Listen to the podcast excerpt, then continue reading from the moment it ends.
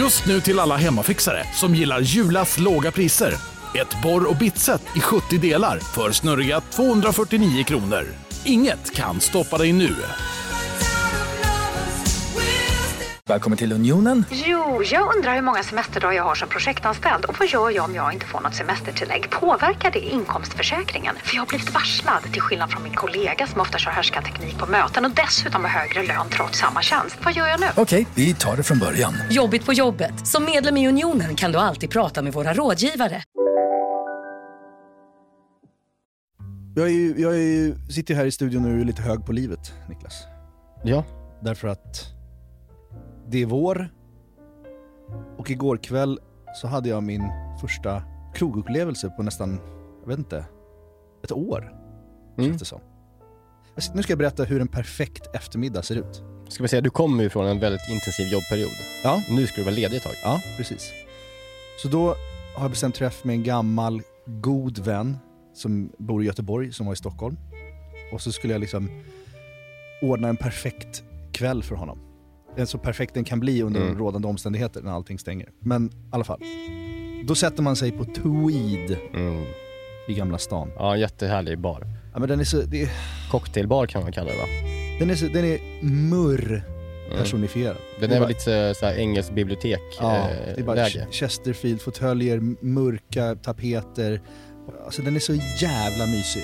Och satt jag där, jag var helt ensam, jag var där när det öppnade klockan fem. Så jag satt helt ensam i hela lokalen. Jag åkte dit en halvtimme tidigt för att få en halvtimme själv. Och de har väl riktiga böcker, riktiga bokhyllor, riktiga böcker, inte tapet med böcker på som vissa barer har. Ja, det hoppas jag verkligen. Ja, det känns så. Det reflekterade jag inte. Ja, jag hoppas det. Men jag tänker ofta, Är de fake så, så, så, så är det slut. men jag tänker ofta det när vi typ, alltså om det är på Espresso House eller någonting, Ja, nej, så men- är det så här, tapet, tapet med böcker på. Det är märkligt. Ja, det är fruktansvärt. Men det har de inte här, Nej. hoppas jag. Eh, Det känns men inte så. beställde in en liten öl, ljus lager och en old fashion. Ja, den gillar inte jag. Det är Men det, det, jag fattar grejen, alltså hela settingen är härlig med. Ja, och då Mm. får man den här, då får man det här glaset med en stor kristallklar Mm. eh, iskub Mm. som tar upp nästan hela glaset. Mm. En perfekt skivad sån här apelsinzest eh. Mm. Lite twerkad, twirlad. Twirlad, lite naggad, lite skuren i kanterna, som en äggad nästan. Mm. Och sen det lilla körsbäret. Och sen får man själva Old Fashion, alltså blandningen med whisky, sockerlag och angostura bitter. Mm. I en liten granatformad butelj vid sidan som man häller på sen själv över den här Oj, iskuben. Jaha, okej, du får, okej. Ja, Mm. Så man häller över själv. Och sen sitter man där och för några sekunder känner man sig som Don Draper Ja. i Mad Men. Som sitter på någon cocktailbar på Manhattan på 50-talet. Och den njutningen, det, det, det finns ingen annanstans i Stockholm där du kan känna dig så som du gör där med en Old Fashion. Jag rekommenderar alla att sätta sig på Tweed en eftermiddag ensam en halvtimme. Sen går vi över till restaurangen bredvid som är Djuret. Som är egentligen samma va? Ja, som Alltså, är samma, det är ju Flickan, Djuret, La Ragazza, eh, Burgundy. Bur Burgundy. Ehm, och blir full, fullständigt överkörd. Tar någon liksom femrätters.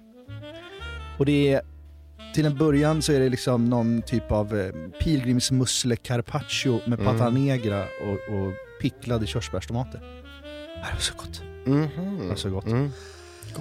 Där, redan där börjar liksom, man börjar bli lycklig. Ja. Vi dricker viner som passar till.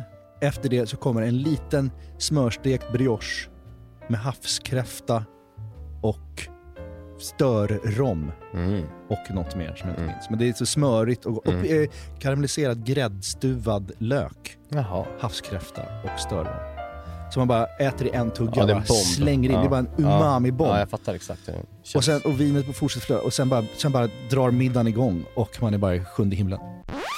Och sen måste man gå hem klockan åtta. ja. ja, det är också skönt på ett sätt. Det är skönt på ett sätt, men det är också lite dumt på ett sätt. För man, det blir som att man kommer hem lite för tidigt Mm. för den typen av berusning som ändå sker på en avsmakning. Ja, för det är fem, eh, goda fem glas vin plus lite öl av Old Fashion och Ja. eh, ja, Så man är lite, kanske till och med en liten eh, avec efter. kanske en liten avec blir det Ja. kanske lite. Men så jag kommer hem då till Lisa som, och har lite feeling liksom för att jag är glad. Mm. Och så sitter hon med sin stora balja med te. Dubbelfattad. Man, man har dubbelfattning så att ja, säga. Hon dubbelfattning. Den är stor. Mm. Alltså det är en kopp stor, den är, som te, den är som de man snurrar runt i på Gröna Lund. Så jävla stor är den. Ja. Eh, och jag, men jag registrerar inte att det är te. Jag tror att hon har Du är en för skål full. med nötter. Du är för full. Jag är lite... Se som det, du är, du är dyngrak. Jag, ja, inte det, ja, men absolut. Men jag får feeling och ska smaka av hennes nötter. Men det är ju inte nötter, det är, den är full med te. Så jag välter ut i hela hennes te över hennes knä och telefon när jag kommer hem. Och hela soffan. Åh nej. Ja, det är så jävla uselt. Så du stoppar ner din äckliga stora hand rätt ner i varmt te och spiller ut över henne när hon sitter och väntar på dig när du är full och kommer hem och hon sitter och har hand om ett barn. Ja, nej men det, är- du vet, det, är, ja, fan, det blir orosanmälan. Nej. Men så slutade i alla fall min fantastiska kväll med att jag liksom gjorde bort mig när jag kom hem. Men gud, det är en av de sämsta, alltid när man kommer hem så vill man ju så smyga in liksom. Ja. Och liksom inte väcka den personen som, som sover ofta. Nej. Och nu sover inte hon, men att gå från att liksom man ska vara smooth, låtsas inte vara full, men är så pass full som man ändå så, här, är så jävla sugen på nötter, på något salt i sig. Ja. Så att man bara tar, ser någonting som är skålformat och bara stoppar ner handen i det Ja. för att det kan vara nötter. Jag vill det offentligt, jag vill offentligt be om ursäkt till Lisa. Ja, jag, jag, det, det, det tycker jag att hon verkligen ska få en offentlig ursäkt för. Förlåt min älskling.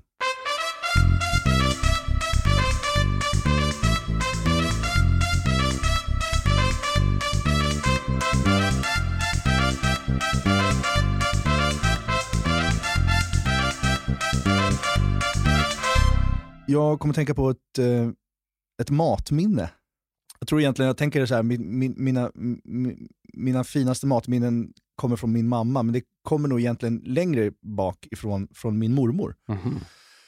Som eh, under hela min uppväxt bodde i en lägenhet i Östberga, dit vi åkte ofta eh, till mormor och morfar. Mormor lagade mat och morfar satt och, och kollade på tennis på Eurosport.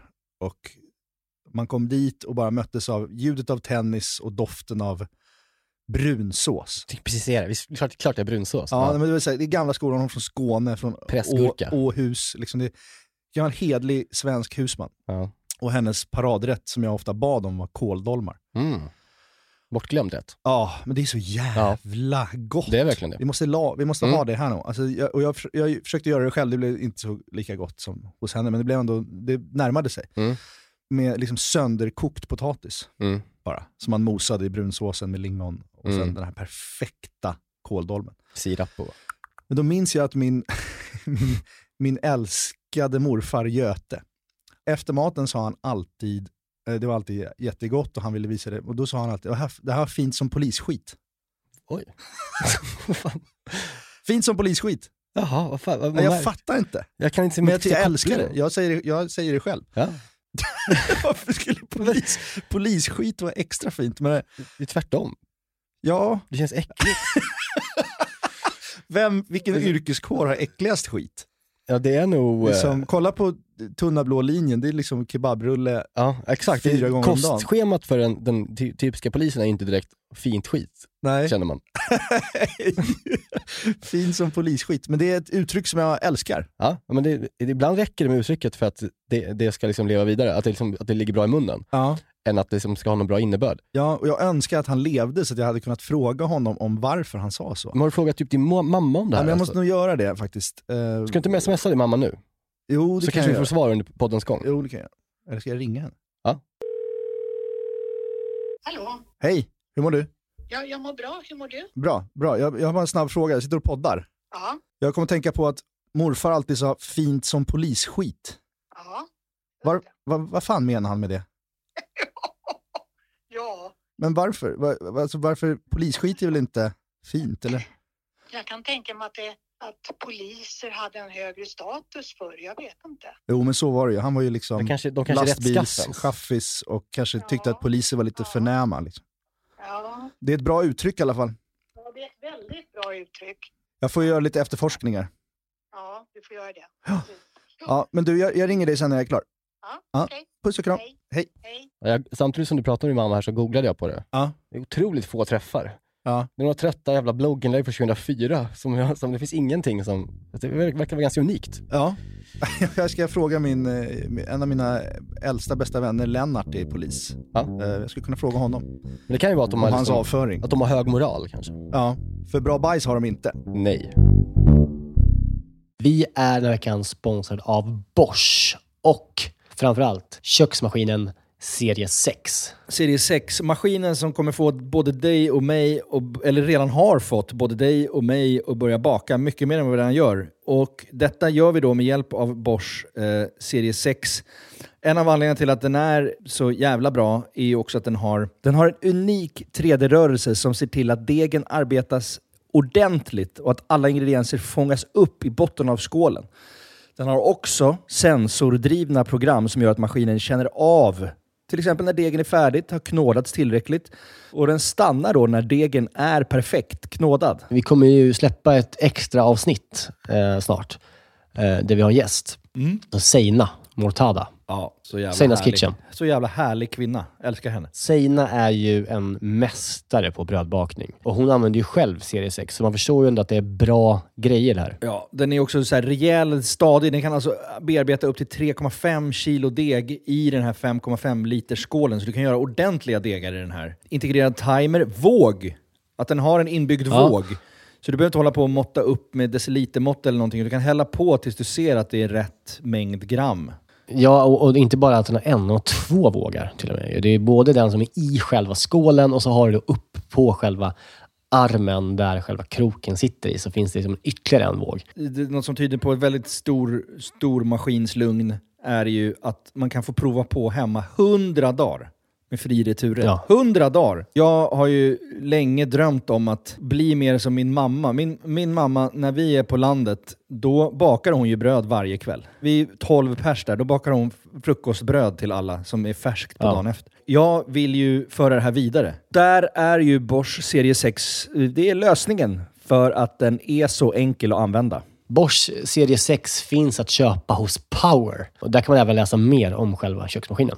Vi tackar Bosch. Vi tackar Bosch. Dankeschön. Vi tackar Bosch och vi påminner också om att det snart kommer ett specialavsnitt med Bosch och Zeina. Danke. Dankeschön.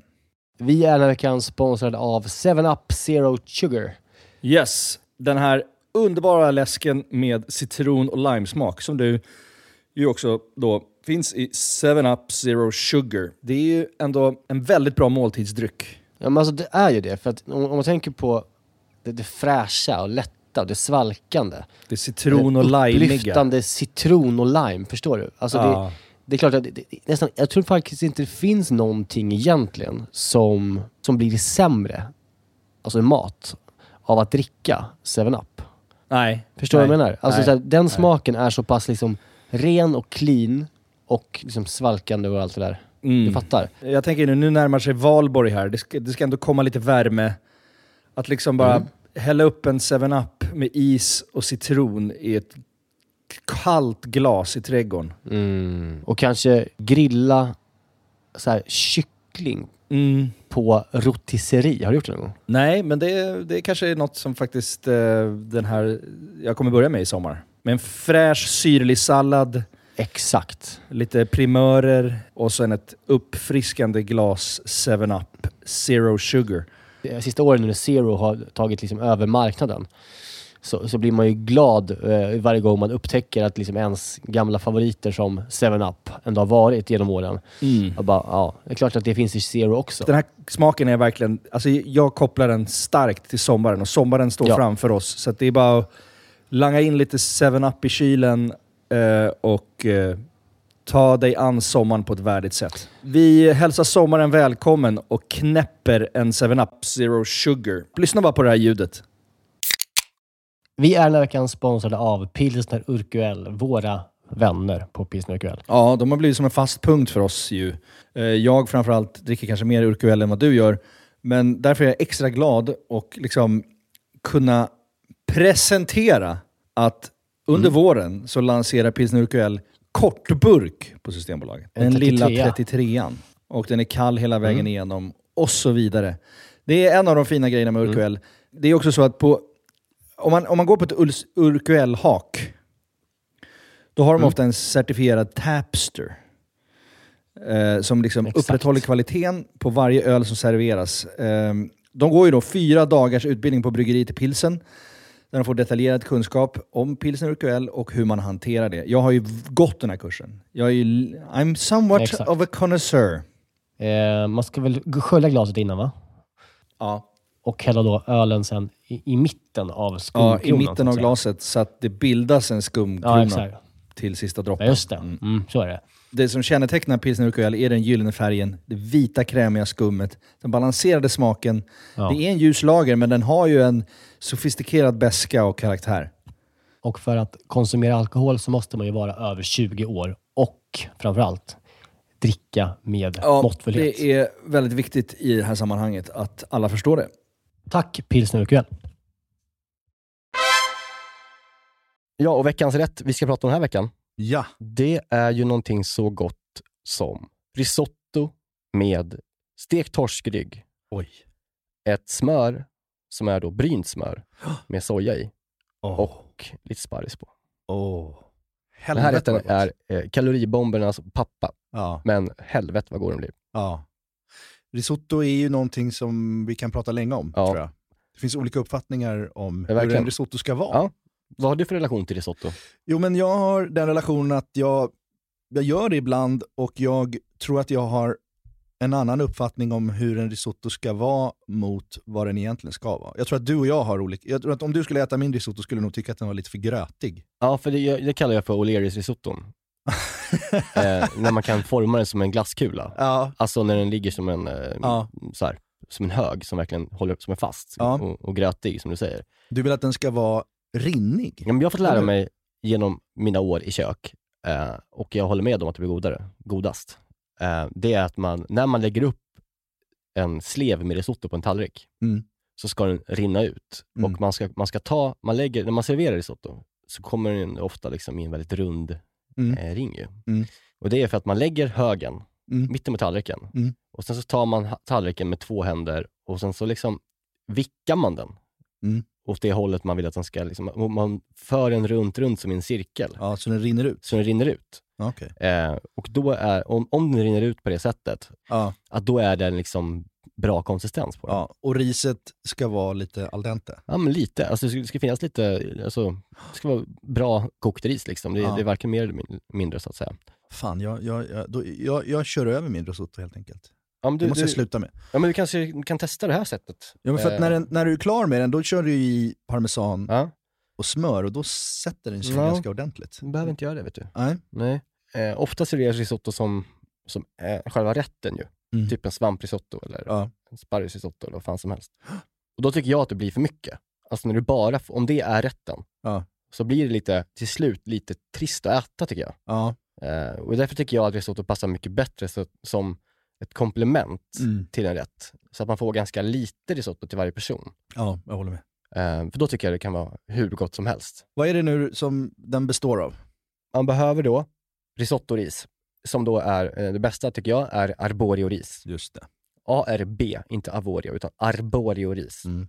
Man behöver eh, sch- schalottenlök, man behöver vitlök, man behöver eh, vitt vin och man behöver kycklingfond. Det är liksom risotton. Mm. Eh, och sen så har man i smör och ost på slutet, Mm. alltså parmesan. Mm. Eh, och till det så har vi då en, en eh, torskrygg eh, som är färsk. Man kör eh, ostronskivling, man behöver sparris, man behöver smör, man behöver japansk soja. Och sen så då behöver man gräslök som man på slutet lägger i risotton när man blandar ihop den. Och det är väl ungefär det. Enkelt ändå. Det är ganska enkelt. Det, det, det här, den här rätten är också så här, det, det kan bli stress på slutet här, för det, det är liksom mycket som måste planeras. Jag ska säga det innan jag sätter igång här. Jag satte mig lite i skiten, alltså det, det, det blev jävligt stressigt för mig. Ja. Det blev riktigt jävla gott faktiskt, eh, till slut. Ja. Men det var en jävla pers att komma dit. Ja, okej. Eh, men jag ska försöka eh, få till det så att, så att berätta hur man ska göra så att man inte hamnar i samma grej som jag gjorde. Ja, bra. Lär av dina misstag. Ja, faktiskt. Men eh, nej, det var en av de... Jag hade inte gjort den här rätten förut, jag kom på den eh, förra veckan. Ja. Eh, och jag tänkte att det här måste bli gott ihop och det blev verkligen helt otroligt gott. Så det, det ska ni ta med er.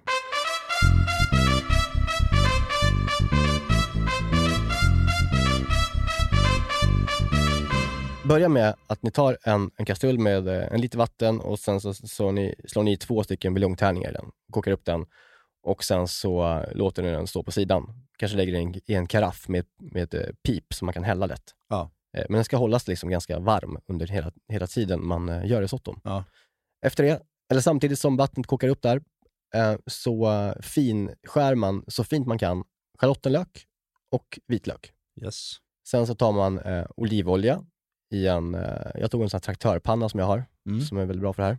Eh, och sen så svettar man runt då löken och vitlöken som, som eh, vanligt helt enkelt, tills de börjar liksom ge lite doft och eh, kännas härliga. Mm. Och när de gör det så, så slår du i riset rätt ner i det där. Och då är det viktigt att riset också får gå tillsammans med löken under omrörning. Eh, och här är en slickepott att föredra, Mm. så att du får, kan dra med dig allt ordentligt. Mm. Låter den gå rätt så här, kanske 3-4 minuter ihop. Liksom. Mm. Men eh, att man ser till så att det inte bränns, men att man håller den eh, under rörelse. Och det är väl egentligen tricket genom, genom hela, helt enkelt, hålla rörelse i det här. Mm. Men när riset, oljan, löken och vitlöken gått ihop lite så här, några några minuter, då eh, är det jävligt varmt där i och då slår du på vitt vin. Just det. Och då är det ju samma sak som alltid med alkohol och vitt vin, det är att det måste få koka ur. Mm. Så att under omrörning så liksom drar du ihop det där tills liksom vinet nästan är helt borta. Mm. Då är det dags för att slå på din första omgång med eh, buljong. Och det, det, ska man ju, det här kommer ju ta då nu ungefär 20 minuter. Eh, från att man slår in buljongen, första omgången, så tar det ungefär 20 minuter till, till att riset är klart. Just Men, det. och det måste stå under, man måste röra hela tiden. Ja. Man slår på då eh, lite eh, buljong så att det liksom precis täcker. Sänker värmen. Rör hela tiden. Rör, rör, rör. Och till slut så ser du att när riset börjar bli liksom kladdigt och när vätskan är borta och när du drar liksom med, med eh, släckerpotten genom riset och att liksom det blir som en rand så att säga i pannan så man ser att, liksom den har, eh, att, så att man ser att buljongen har kokat ur. Ja. Då är det på med mer buljong. Just det. Och buljongen måste vara varm. Ja. Och för att den, den måste börja koka direkt när den går ner i pannan. Så slå aldrig på för mycket buljong. Ja, just det. Det ska liksom precis, precis täcka. Kanske ungefär sex gånger kommer man behöva göra den där liksom processen med att slå på lite buljong och röra hela tiden så. Tills riset är klart. Tills riset är klart. Och då kan man ju då, för att eh, inte fucka upp som jag gjorde, att allting ska bli, måste liksom bli klart samtidigt, så kan man ju då eh, göra så att man gör riset, alltså precis så att det är liksom nästan helt klart. När riset är- liksom är precis nästan, nästan helt klart, Ja. ställer man undan pannan Ja. eh, och sidan. Mm. Så får den stå där. Nu, nu vet vi, nu- ska, det enda- det som ska göras med den här nu, det är att du ska i lite mer buljong sen eh, och smör, citron, massa ost Ja. och gräslök när man ska liksom göra den klar. Och det tar ju ungefär en minut. Så att, Ja, men, det står inte, men det står inte och gojsar till sig och blir liksom trött och saggigt. Nej då, det, kommer, det där smakar Nej. man upp sen. Det- På restaurang till exempel, Ja. när man får risotto, då gör man den alltid liksom sådär. Att man Halvklar. gör den halvklar. Och sen så tar man ut den eh, ur kylen, stoppar ner i, en- i en panna med smör och sen så värmer man på den med ost och liksom. Eh, det är så man gör varje gång, för annars hade man liksom suttit i skiten hela tiden för att man ska stå och röra i en risottopanna. Ja men det tror jag att överlag att man är lite rädd för när man lagar mat hemma, att låta saker stå och vänta halvfärdiga för man tänker att det blir liksom dåligt eller Ja. klart eller liksom... Nej, men det här funkar lika, precis som potatismos funkar det här lika bra, liksom Ja. att liksom bara göra precis, inte smaka upp det utan bara som göra grunden klar. Ja. Mm. När man har satt riset åt sidan, då kan man ta en liten kastrull med eh, smör, kanske 100 gram. Man bryner det. Är du bra på att bryna smör? Eller tycker du att det är svårt? det tycker jag är lite svårt att veta exakt vad, vad är brynt. Alltså, Mm. det- vad är brynt och vad är bränt Ja. och vad är smält smör? Ja. Liksom. Alltså när, det bryns så börjar det liksom eh, eh, bubbla i smöret och liksom att det blir skum. Ja. Eh, det här liksom lite nötiga skummet. Ja. Framförallt så börjar det lukta lite nötigt Ja. av, av smöret. Ja. Och när skummet precis börjar liksom lägga sig, för det bubblar ju på ganska bra, men när det börjar lägga sig och bli som lite tjockare skum nästan, Mm. då är det liksom perfekt. Det ska bli brunt. Det ska bli brunt, Ja. men det ska inte bli bränt. Eh, och man kan liksom smaka under tiden. Ja. Och då, grejen med det här är att du ska stanna hela processen med kanske, ja men typ en matsked japansk soja. Ja. Så det blir lite det här, det här sojabrynta smöret. Mm. Och när du ser när bub- bubblorna börjar lägga sig och du börjar känna nötdoften, så slår du i den där sojan. Så att, och då kommer det bubbla satan, för det är så pass varmt i den där. Ja. Eh, och sen så lägger det sig. Ja. Och så ställer du den åt sidan. Då är den klar. Just det. Eh, och det där är så pass varmt så du kommer hålla i, värmen kommer hålla i vid kvart. Liksom. Ja. Mm. Åt sidan. Ja. Bort med den. Klar. Och det är klart också. Så nu har du bara fisken, sparrisen och eh, svampen kvar. Bara och bara. Ja, men sparrisen ska Redan inte... här börjar det bulta. Ja, men sparrisen ska börjar inte... bulta i mina tidningar. Ja, men sparrisen kan du, kan du göra nu. Du har ingenting på plattorna. Nej. Du tar din sparris, du skär den fint, liksom inte fint, men du, du, du skivar ner den liksom i, i, i typ 3 mm tjocka liksom, bitar. Jaha, som små slantar? Ja, som, slant, ja, som Ja. slantar. Ja, mm. mm. Eh, hela vägen upp till toppen. Toppen sparar man, för den är så jävla god ju. Ja. Lägger det i en, i en bunke bara. Eh, och sen så slår du på eh, olivolja, ganska, alltså mycket citron, det här är liksom syran rätten. Eh, och eh, salt. Och så vänder man, runt det där så får det där ligga där i tio minuter och liksom dra åt sig lite av syran. Mm. Mm. Bort med den. Nu har du bara svampen och fisken kvar. Mm. Och det kan man göra samtidigt. Mm. Det är inte så jävla svårt. Nej. Två plattor på. Ta din eh, torskrygg, torka av den liksom med ett papper så att den blir torr. Ha, och ha, ha haft den ute ett tag så den är lite rumstempad. Ja, men det är alltid bra. Ja. Men tor- framförallt torka av eh, fisken så att den inte är så jävla blöt. Nej, För då kan det lätt fastna i pannan. just det. För det, fisk är ju lite läbbigt att steka. Mm. Det ofta, kan ofta gå sönder. Jag gillar också att steka lite flån för att jag tycker det kan bli lite, det kan vara, om du inte liksom har en helt eh, fungerande gjutjärnspanna så det kan det vara, den fastnar där också. Ja, teflon eh, kan, man få, kan vi få lite skäll för. Det fick vi. Det var någon som skrev till mig, Mhm. bara ber till gud att du inte använder teflon. Ja, När jag gjorde någon fläskgrej. Kolstålskille. Men teflon är lite frowned upon i finkretsar har jag en känsla av. Ja. Men, det kan det väl få vara? Det kan det få vara. Mm. Det, här, det här det är ett bra sätt här. Ja. Det finns ju torskrygg som är ganska hög, som är typ 5-6 centimeter hög. Liksom. Ja. Den är lite svårare att få bra stekt i en panna, för att den, den vill man gärna ugnsbaka. Ja. Eh, först bara i yta och sen i ugnen. Men här har jag torskrygg som är liksom kanske ja, men, 3 centimeter. Ja. Eh, så att den kommer bli färdig i pannan. Torka av torsken, salta och peppra på båda sidor innan stekning. På med liksom en, en neutral olja, som då matolja eller rapsolja, som tål mycket värme. ja, det är inget skinn på den här. Nej, jag Nej. kör utan skinn här. Ja. Eh, skinn kan man verkligen köra också. Ja. Det är gott. Då ska man börja steka med skinnsidan Ja. neråt lärt Ja, exakt. När pa- pannan är varm, i med fisken, ta din stekspade och liksom tryck på fisken ordentligt. Så att den, och så inte, för att en fisk har ju en tendens att liksom bulla upp sig när man lägger den i en stekpanna. Att, den Ja. liksom, att värmen gör att den liksom drar ihop sig lite. Ja. Men så fort du lägger ner den, tryck med din ste, stekspade på hela fisken i kanske 10 sekunder. Så att den liksom sätter sig. Aha. Så att den inte korvar upp sig. Det är ett Går bra... den inte sönder då? Nej? Nej, den Nej. är ju helt eh, Ja, det- rå ju. Ja, just det. Just det, just det. Alltså, du vill inte trycka jättehårt, men du kommer liksom trycka så att den liksom sätter sig. Ja. Eh, i sin, så att den vet sin plats, så att säga. Det ska den fan göra. Ja. Och den här fisken är ju så pass eh, eh, smal. Eh, Smal? Så Heter, heter, heter det smal? Tunn, va? Ja. Eh, så man kommer inte behöva vända den här fisken Nähä. tills den ska bli klar. Oh. Vill du inte ha yta på den andra sidan? Mm, Nej, det är inte riktigt. Nej. Man, man, eh, Och du öser den och håller på? ja, Ja, om du gör om jag öser det. Ja, Snälla du.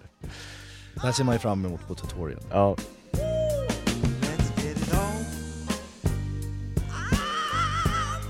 Det man gör då är att man låter den här stekas jävligt hårt på den sidan och när det börjar komma lite vitt upp på kanten, så när, när den vita fisken börjar bli liksom mer glansvit på sidorna så vet man att nu börjar den få lite yta under så att säga. Ja. Då skär man bort citronskal från en halv citron, tar två vitlöksklyftor som man krossar med kniven eh, och sen så tar man då kanske fyra kuber smör av det här kubbandesmöret som vi gillar så mycket. Mm.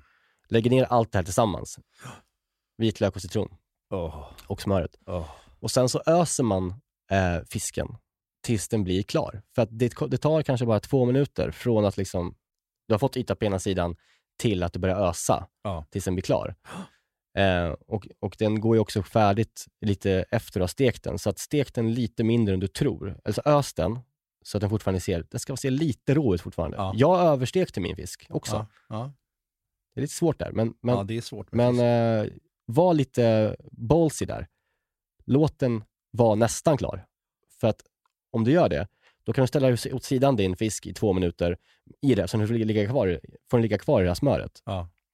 Och så kan man bara steka svampen på sidan. Och den tar bara, ta bara lite smör och olivolja eh, och eh, swisha runt den här svampen rätt hårt Ja. eh, så, att den, så att den får lite crisp. Ja.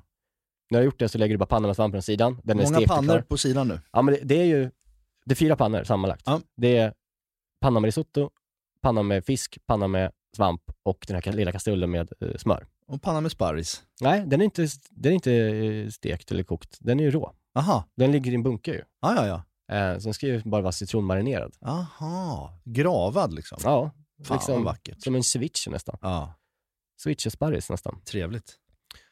Eh, svampen är färdig, lägg den och bara stäng av plattan och låt den ligga kvar i pannan. Och nu ska man ju då göra klart risotton.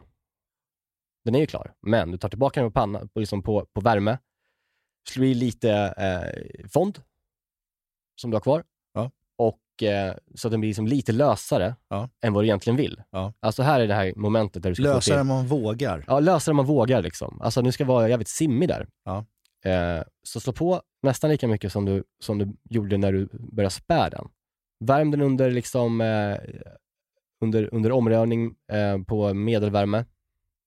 Och liksom, när du då, som du säger, när den är lite lösare än vad du vill ha den, då har du då rivit då på sidan jävligt mycket parmesanost. Alltså en god näve Ja. parmesanost. I med den, svep runt den, och så börjar det smälta och så ser man hur det där liksom bara blir ost och, och liksom, Ja, ja, ja. gott. Och sen så i med, med två kuber smör. Samma sak där, få runt allting ordentligt, liksom, bara låt det gojsa ihop. Och så i på slutet med fin, fin skuren gräslök. Då är den här klar.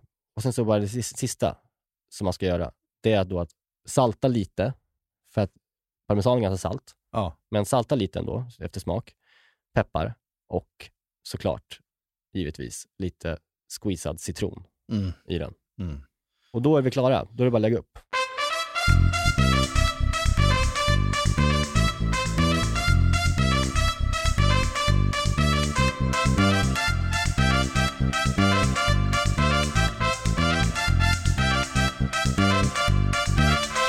Hur du plejtar det här nu, det kommer vi få se. Men det, för Mm. det, jag, jag, det, det har vi pratat om att vi någon gång ska ha ett, det stora plating-avsnittet. Mm. Och då kanske vi ska bjuda in Stefan Ekengren, Mm, verkligen, för jag är inte heller kingen av plating. jag är inte så king på det här, för det här blev inte assnyggt. Alltså, du är ganska dukt, du är duktig på att. Nej, Jag är men- fruktansvärd på att plejta. Det här blev inte jättesnyggt. Nej. När man plejtar risotto så tänker man ju då ofta så här att, som du vill ha, att man tänkt, som du har gjort tidigare, det här med att det blir som en hög och att man får liksom lite höjd på tallriken. Ja, Det är bara att glömma med risotto. Man, man, Ja. får, liksom, man får embracea att den flyter ut sådär. ja, Som vi sa, att man lägger en hög på mitten och sen så vinklar man tallriken till dess att den flyter ut lite. ja. Så det gjorde jag. Jag började med det. Och sen så kan man ju då riva på mer parmesan på Mm, toppen. mm. Det gjorde inte jag, men man kan verkligen göra det. Mm. Eh, och sen så tar man sin citronmarinerade sparris och strör över hela tallriken. Efter det så tar man sin jävligt god, gott stekta ostronskivling. Mm. Ostronskivling är underskattad svamp, ja. det ska sägas. Mm. Samma sak, lägger den över hela risotton. ja. Lite så här irregular, Ja. hur du vill ha den. Ja. Och sen så lägger man på fisken på toppen där. Då kan man ta lite mer sparris som, det, som, som finns Ovanpå. och lägga på fisken. Eh, och sen så kan man ju då ta även om det finns gräslök kvar och dra över, liksom, över hela. Oj, oj, oj. Men då har vi ju kvar det godaste som gör att rätten blir otrolig. Just det, nämligen smöret. Det brynta sojasmöret. El burro. El burro, alltså det är så jävla gott. Alltså det blir den där sojan och det där smöret, vad det gör ihop, jag vet inte. Alltså det, det kanske är umami, jag, jag har aldrig... Jo, men för jag, jag tror att jag läste något recept där det kallades umami-smör, men då har man även hasselnötter i. Ah, okej. Soja, smör, brynt smör och Ja. hasselnötter. Och så hade man det över en bakad blomkål. Mm, mm. Så det blev liksom lite köttsmak liksom, av en bakad blomkål. Det var något ve- vegerecept. Men då Ja, okej. kallades det för umami-smör. Ja. Det var jävligt gott. Så man, man tar- behöver inte ha hasselnötter. Nej precis, det här, det här är utan det. Men, men man tar då, eh, serverar det här smöret, liksom, man drar först liksom en god sked över fisken så att det rinner ner på risotton. Ja. Efter man har lagt det på fisken så tar man mer smör och bara ringlar runt lite över risotton och så här. Eh, och den jävla upplevelsen att äta det här smöret med den här krämiga, rinniga, ostiga, fantastiska risotton och med de här väldigt citronmarinerade sparrisarna Ja. och med den här milda, hårt stekta svampen. Ah. Alltså det är så mycket... Det är så, rätt som, som har allt. Den har så mycket texturer, olika texturer och olika liksom smaker och sådär. Så att jag åt, jag åt den här själv, för Maja var, var borta. Ja. Så jag gjorde den själv. Lite deppigt att du liksom sitter Ja. och äter det här själv framför Eurotalk. Ja men verkligen, men det som var så sjukt med det, att jag åt, jag, jag gick in i någon slags trans. Alltså jag bara skyfflade i mig det på 45 sekunder, hela rätten. Ja, men jag kan tänka mig det också eftersom du håller på och liksom tränar och äter rätt kost. Och Ja. så när äntligen får moffa i dig en risotto, så då går det undan. Ja, jag, jag har inte ätit risotto på liksom ett halvår. Nej. Inte ätit så mycket smör på ett halvår. Nej. Så det var liksom, giftet kom tillbaka i min kropp. Ja. Och då som bara, såg jag bara svart och bara liksom skickade in den i ansiktet. Ja. Alltså det gick så fort att äta den. Ja. Så att jag, nej, det var väldigt gott. ja, för fan vad trevligt. Mm. Så Den den- här, det här måste folk laga. Ja, det, här, är- det, det som är med den här, den här, det här är ju kanske den, den, den rätten som har krävt mest hittills i planering och tekniker för att det ska bli jävligt gott. För. Gör man inte det ordentligt, all det här, alla de här delarna, då, då blir det inte så jävla gott. Då blir det en ganska, kanske en grötig risotto, Ja. en överstekt fisk och ett smör som, som inte kanske brynt ordentligt. Eller något så här. Den, här, den här är kanske en utmaning och det kanske man Ja. också behöver ibland. Ja, men våra lyssnare är ju otroligt duktiga. Alltså de, det, det som vi ser på vår Instagram-sida är ju, Ja. jävla vad mycket duktiga Ja, de är ju Kockar. jävligt duktiga. Det finns där ute. Och de är, så bra, de är så jävla bra på att lägga upp alla. Ja, det? Alla är alltså- så sjukt duktiga på att plata som vi Ja, inte är. och den här lammläggsgrejen som du gjorde, den, är, den, har- den har många gjort. Ja, och verkligen. fått den att se så jävla snygg ut. Mm. Alltså så här restaurangbra. Ja, Ja. helt otroligt. ja. Jag är imponerad.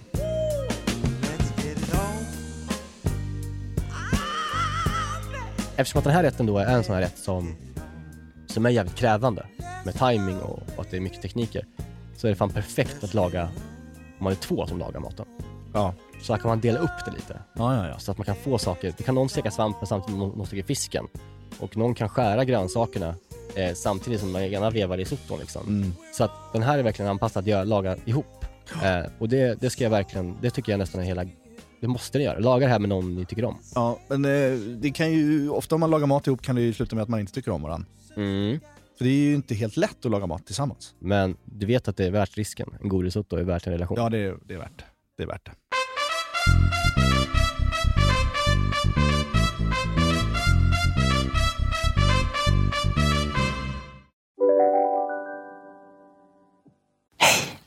Abbo hemma här. Hur låter din badrumsritual? Kanske så här? Eller så här?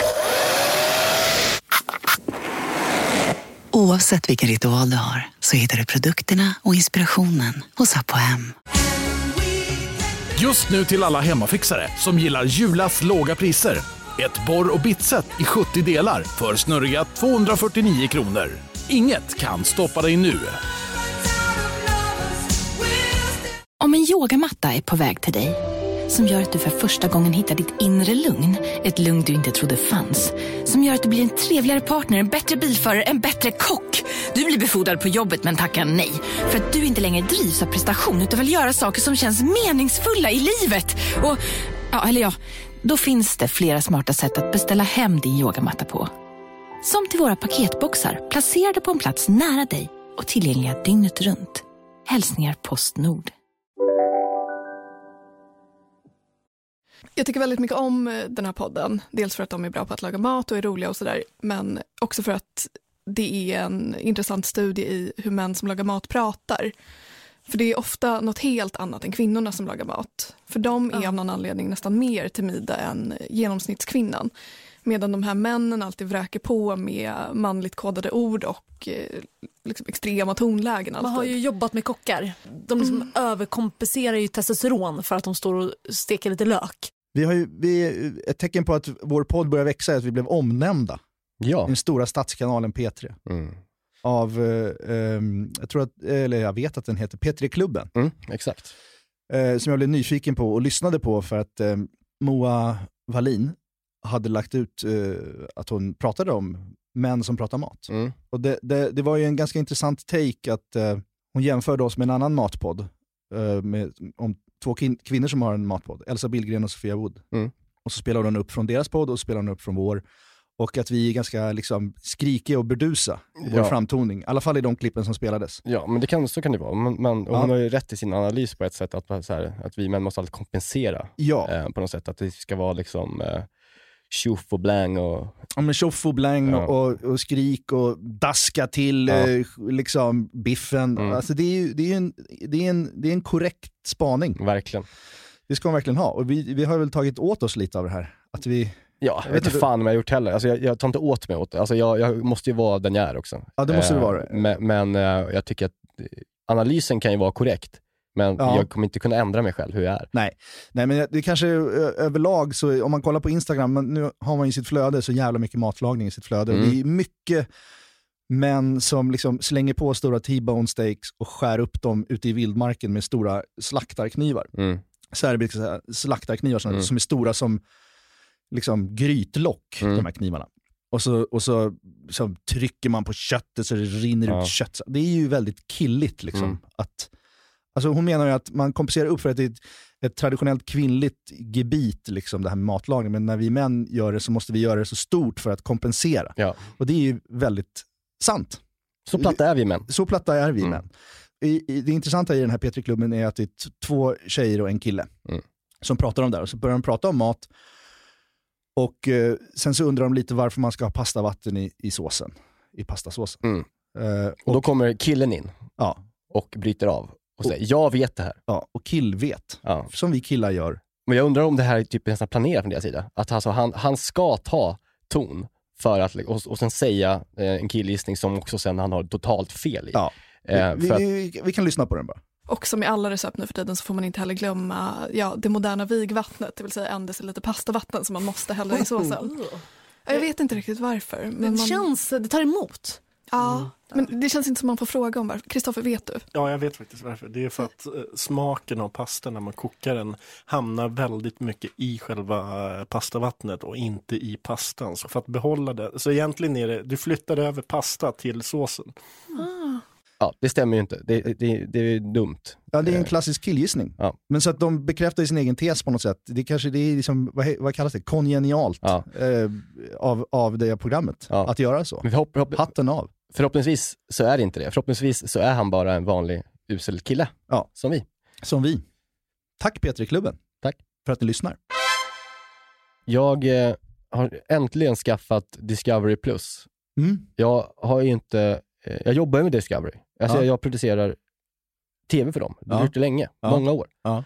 Och nu senast så har jag jobbat med Alla mot alla, som vi varit klara med här i onsdags. Hela säsongen är färdiginspelad och det känns jätteskönt. Ja. Men jag har inte något Discovery Plus-konto som man får gratis. Jag måste betala som alla andra. Nu börjar allsvenskan närma sig och jag eh, tänkte nu skaffar jag ett jävla konto. Ja. Och jag måste säga att jag kollade igenom hela din eh, serie, alla utom vi. Just det.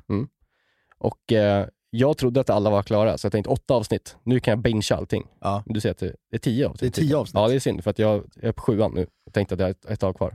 Ah, ja. ja, du tänkte att det slutade där. Men jag har inte kollat åttan. Jag, är, Nej, okej. jag, jag på sjuan bara. Mm. Men jag måste säga att fy fan vad du har gjort ett bra jobb med den serien. Ja, tack. Alltså helvete vad du har gjort den här serien fin. Tack. Alltså på riktigt, jag tycker den var... Jag kollade alla i ett svep liksom Ja. och ville inte sluta.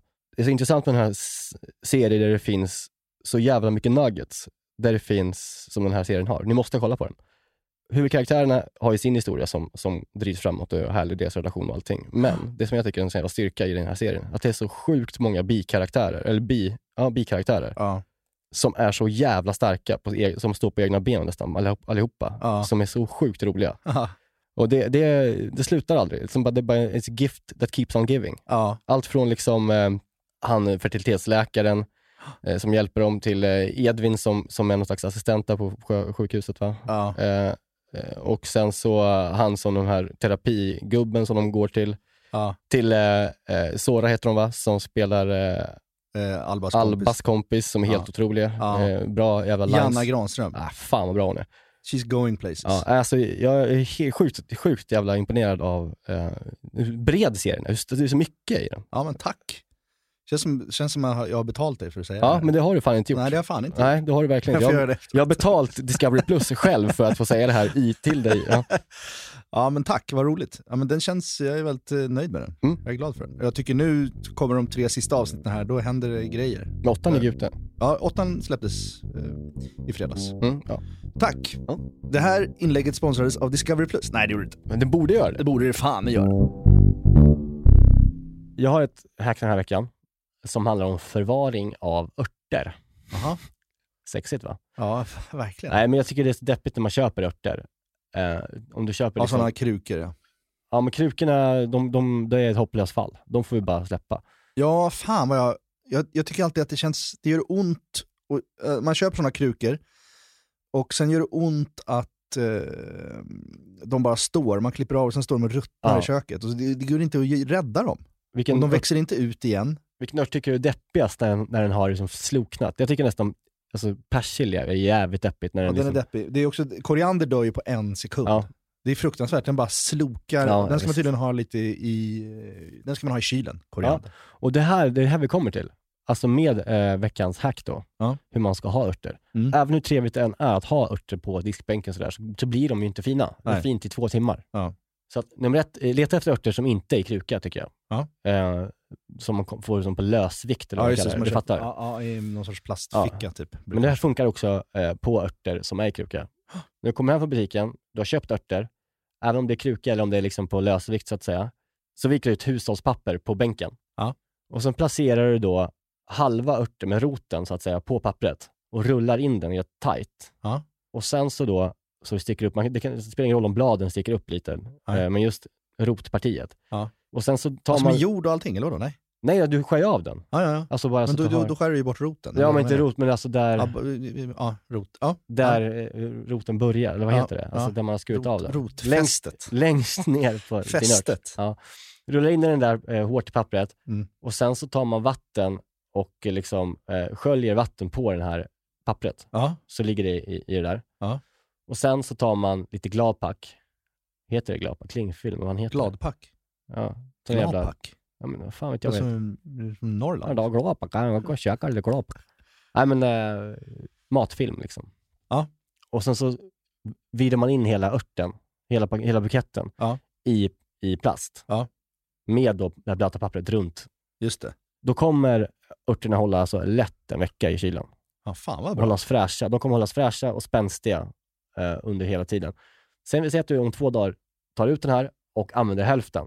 Eh, då tar du bara ut hela, hela den där, gör om samma process och liksom lägger in den i kylen igen. Så kommer det hålla jättelänge. Men just det här pappret längst ner och liksom film runt om. Mm. Bra hack. Ja, trist, men det måste sägas. Ja, men det måste vara slut på, på liksom trötta krukor eh, på diskbänken. Ja, det Som tycker står jag. och sloknar. Ja, fan. Och, vet du, de blir så här lite gula i färgen också. Ja. De bara står där och man orkar inte ta tag i det. Nej, det är inget kul. Jag har försökt flera gånger, liksom, det var någon som sa till mig om basilika att man ska ta upp den ur krukan, dela den i typ två basilikan. Och sen sätta den i en ny kruka, Ja. varsina nya krukor. Då kan man få ett, ett basilika, en basilikabuske som lever och frodas i sitt kök. Ja, men jag har Det har jag aldrig lyckats med. Nej, för jag har hört att det, Det, där går är åt helvete. en myt. Jag har hört att, att, att den basilikan som eh, säljs i, liksom på Coop och Ica, Ja. att den är så pass liksom odlad på något vis, att den, den kan inte, som inte överleva om du planterar om den. Nej. Utan då ska du köpa liksom, riktig basilika från liksom, en trädgårdshandel. Ja, Eh, då går, kan man göra det där och få det där levande och, och, liksom, just det. och få hela Det är som att köpa citronträd på Ikea. De är bara sönderstressade Ja. och blir ingenting. Så det, det är liksom gjort för att de ska tjäna pengar Ja. eh, och köpa nya. Hemskt. Du skickar uppdrag granskning på, på det här.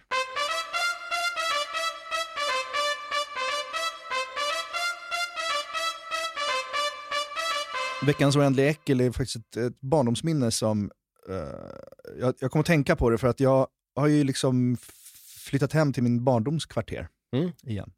Så att eh, när jag går promenader med vagnen så går jag liksom förbi olika platser där jag brukade hänga när jag var barn. Fan speciellt det måste vara. Jag kan inte tänka mig Ja, det, Det är, det är speciellt, men det är Ja. underbart. Alltså, jag ser mina barn leka i samma park som jag själv brukade leka i. Det, är- det är vackert på något sätt. Det Mm. är cirklar som sluts och Ja. allt det där. Men då kommer jag ihåg att vi, man cyklade ju runt på den tiden också på ett helt annat sätt än vad barn gör nu tror jag. Att man cyklar runt utan hjälm med sin BMX. Liksom, och- Bara dygnet runt bara bara. dygnet runt, Ja. bara långt. Liksom. Men då cyklade man och så, och så eh, smög vi på, på tjejerna i vår klass. Mm. Och vi, vi smög på en tjej som jag var kär i, som heter Johanna.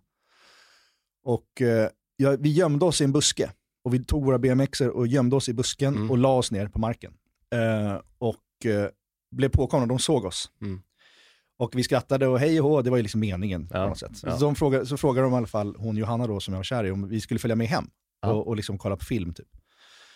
Och eh, vi gör det och vi sätter oss, vi går ner i hennes källare där, och har något tv-rum. Och så sätter vi oss och känner vi bara så här, fan det luktar för jävligt här nere Mm. i källaren. Det luktar så jävla äckligt. Det luktar liksom, det luktar bajs. Mm. Färskt bajs. Färskt. Jag tänker så här, det är något fel på avloppet här, eller det är Mm. någon som liksom... Vet källare kan ju lukta lite som äckligt. händer. Ja.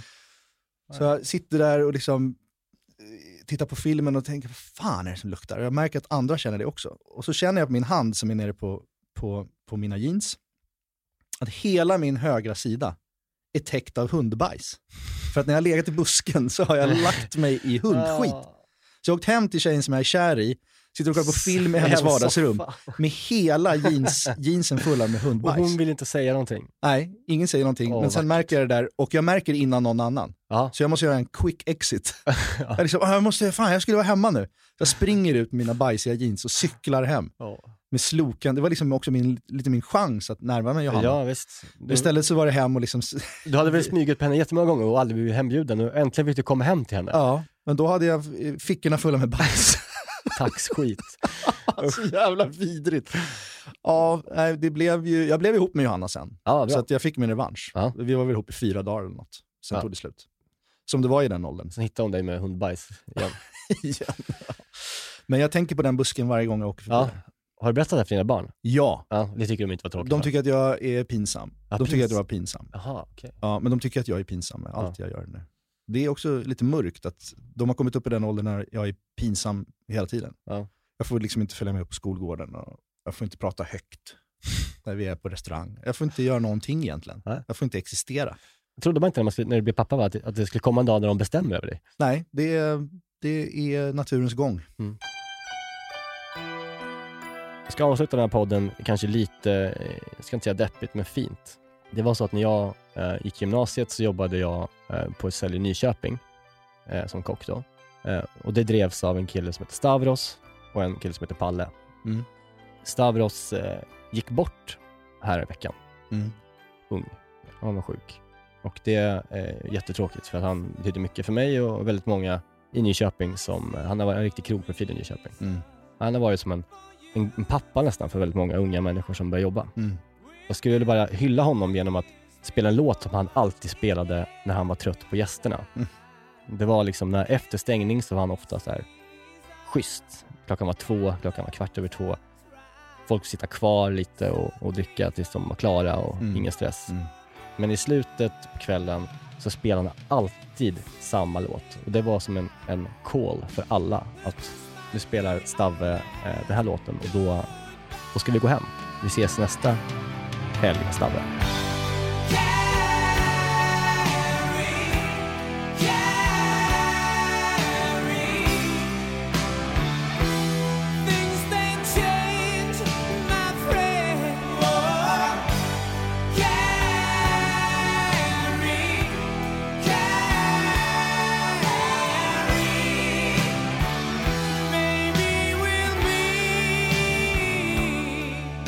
Var så härligt att se hur alla samtidigt nästan, alltid, varenda fredag, lördag, ställde sig upp samtidigt och var så här, det var som en mat och sovklocka. Att så här, Mm. "Ja, ja, nu har Stavve låtit oss sitta kvar här ett tag Mm.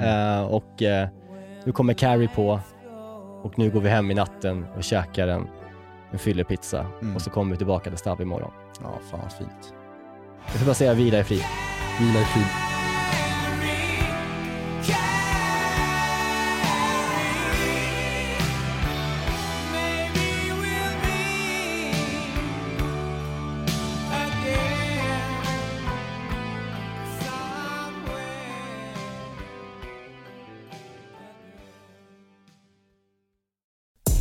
Podcasten är producerad av Perfect Day Media.